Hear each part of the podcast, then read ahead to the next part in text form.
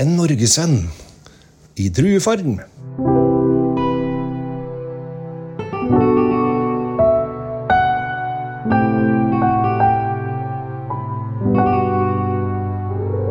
Hei og velkommen til eh, Kjell Svinkjeller. Eh, Jeg har eh, mye å gjøre om dagen, og det er veldig bra.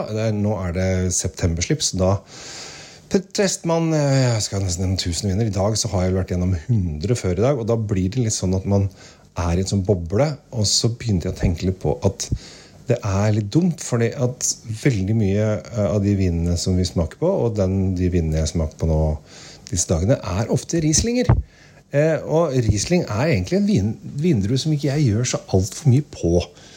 Eh, og hvorfor det, det vet jeg kanskje ikke helt, men kanskje jeg vet det likevel. Jeg vet ikke. Jeg har ikke, jeg har ikke tenkt så mye over det, for at er, det er over 1100 Rieslinger på polet, så det er fryktelig mye av det. Og det er jo mye tysk, og det er Tyskland som er ledende. Og så hadde jeg da et vinkurs i forrige uke som var veldig gøy, da vi testa vin til eh, reker. Og da hadde jeg to rislinger, og de to rislingene var veldig nære hverandre geografisk. Og i og for seg lagd på samme måten. Men ene var veldig sylefrisk, mens den andre var litt mer rundere i stilen. Eh, og nå er det da mange som tenker på Riesling så tenker, liv fra milf og alt dette søtlige Rieslingen som vi ofte drakk når vi var unge. Eh, men det er ikke den Rieslingen som jeg mener er Riesling. Ja, den fins, den også. Men eh, ikke ungdomsrieslingen, men den seriøse rieslingen. Hvis man kan si det sånn. Ja, Høres litt sånn blærete ut, men la meg være blærete. Det er lov, det. Så eh, tenkte jeg at eh, da, vi, da jeg holdt et kurs i forrige uke med, med reker, så stilte jeg spørsmålet hvilken syns dere var best. Var det den syrligste, eller var det den rundeste? Og da endte det opp sånn sikkert 50-50. Um, og det er jo egentlig morsomt, uh, for dette betyr jo at folk har forskjellig smak. Og jeg tenkte jeg skulle snakke litt om den rundeste. Og det som er litt morsomt da, er jo det at hvis man drikker den alene, så oppfatter man den ganske syrlig. Skal vi se. Nå har jeg den i glass her, så det lukter litt. Og du kjenner at den har har litt av denne petroleumsduften. Ikke så mye, men bitte litt. Og den petroleumsduften er litt sånn rar. fordi at når jeg tenker på det, så tenker jeg ofte på gummistøvel. En sånn gammel vikinggummistøvel som kanskje har stått på hytta siden 80-tallet. En sånn litt sånn gammel gummistøvelduft. Og så har den denne friske, syrlige sitrusen. Kjenner at jeg blir våt i munnen. Må drikke litt.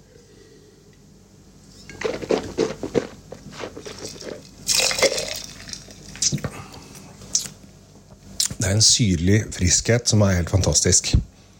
Og det som er så gøy når jeg gjorde det kurset, var at vi hadde da to rislinger, en Sylvaner og en Chardonnay. Og hvis du hadde gått på polet og sagt eh, kan jeg ha denne her til, eh, til reker, så hadde du sagt ja, kjempebra.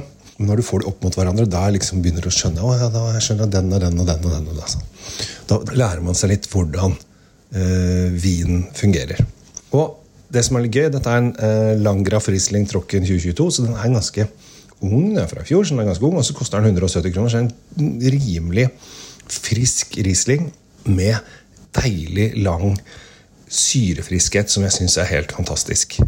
Og dette her til reker og skalldyr osv. er kjempebra. Alt, jeg pleier alltid å si har du lyst til å presse en sitron over uh, maten din, så er det ofte en syrlig, frisk Riesling som passer. Uh, og det gjelder også denne gangen. Og det har en sånn frisk frukt. Det er noe epler, noe fersken, litt sånn grapefrukt i. En sitron som ligger oppå toppen der. Og bare er det sånn syrlig og frisk i munnen, og det syns jeg er fantastisk behagelig. Men utfordringen er jo det å finne alle disse Rieslingene. Jeg har, har flere jeg kjenner eh, som er eh, Riesling-entusiaster. Bl.a. Eh, Tommy, som driver Taste of China i Oslo. Hvis dere er veldig glad i kinesisk dimsum, så må dere dra på Taste of China i Oslo. Så kan dere hilse på Tommy, og hilse fra meg. Uh, fantastisk han, Han, han elsker Riesling. Og han sier jo det at det som er så gøy med Riesling, er at du, ah, det er så mye forskjellige ting. Og hvis du kjøper kjøp deg, altså Gå på polet, kjøp tre forskjellige Rieslinger. Og så setter du deg ned, og så smaker du forskjell, og da begynner du å skjønne spennende i Riesling. Selv om alle tre er tråkken, så vil du kjenne at det er stor forskjell på dem.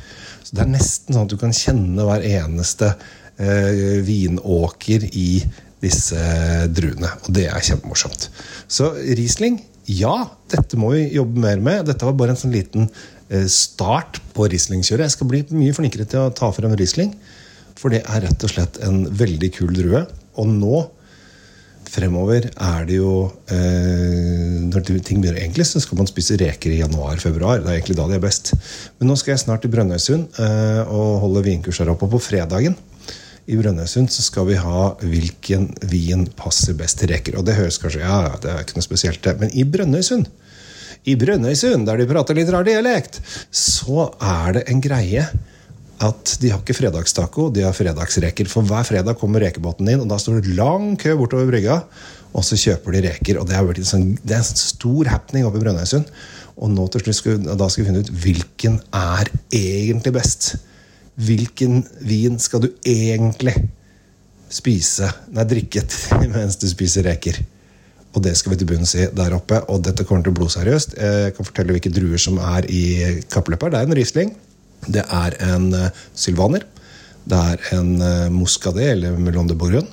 Det er en chardonnay, og det er en alvarinho. De, fire, de fem druene skal få lov å konkurrere, og så skal vi se hva det ender opp med å bli til slutt. Jeg gleder meg som et lite barn. Det gjør jeg alltid når jeg skal til Brønnøysund, for der er så mye hyggelige folk, og de lager så mye god mat. På Svang i Brønnøysund er et lite skattkammer om du ikke har vært der. Og hvis du kjører forbi Brønnøysund Det er kanskje ikke så mange som bare tilfeldigvis kjører E16 nordover og passerer Brønnøysund. Det er sånn helt sånn tilfeldig. Eh, hvis du skal nordover, så må du innom Brønnøysund og spise på Svang. Og hvis du har lyst til å unne deg en matopplevelse, så tar du og setter deg på et fly eller bil eller båt eller et eller annet sånn Hurtigruta stopper der også. Og så hopper du av i Brønnøysund, og så går du på Svang og spiser. Og så koser du deg, og så vil du få en helt unik opplevelse. Sånn er det der oppe. Nydelig. Og jeg gleder meg allerede. Og da skal jeg drikke litt Riesling og se om det er den som er best til reker. Det blir spennende. Men nok om det. Jeg ønsker deg en riktig fin eh, dag videre. Og så håper jeg at uh, du uh, koser deg. Og så prøv litt uh, Prøv litt Riesling. prøv gjerne Langgraff sin til 170 kroner. Den syns jeg er kjempefin. Og så kjøper du deg to andre som du prøver opp ved siden av. Du kommer til å synes det er morsomt. Du kommer til å synes det er lærerikt, og det kommer til å bli gøy. Toppers. Takk for nå. Ha det bra.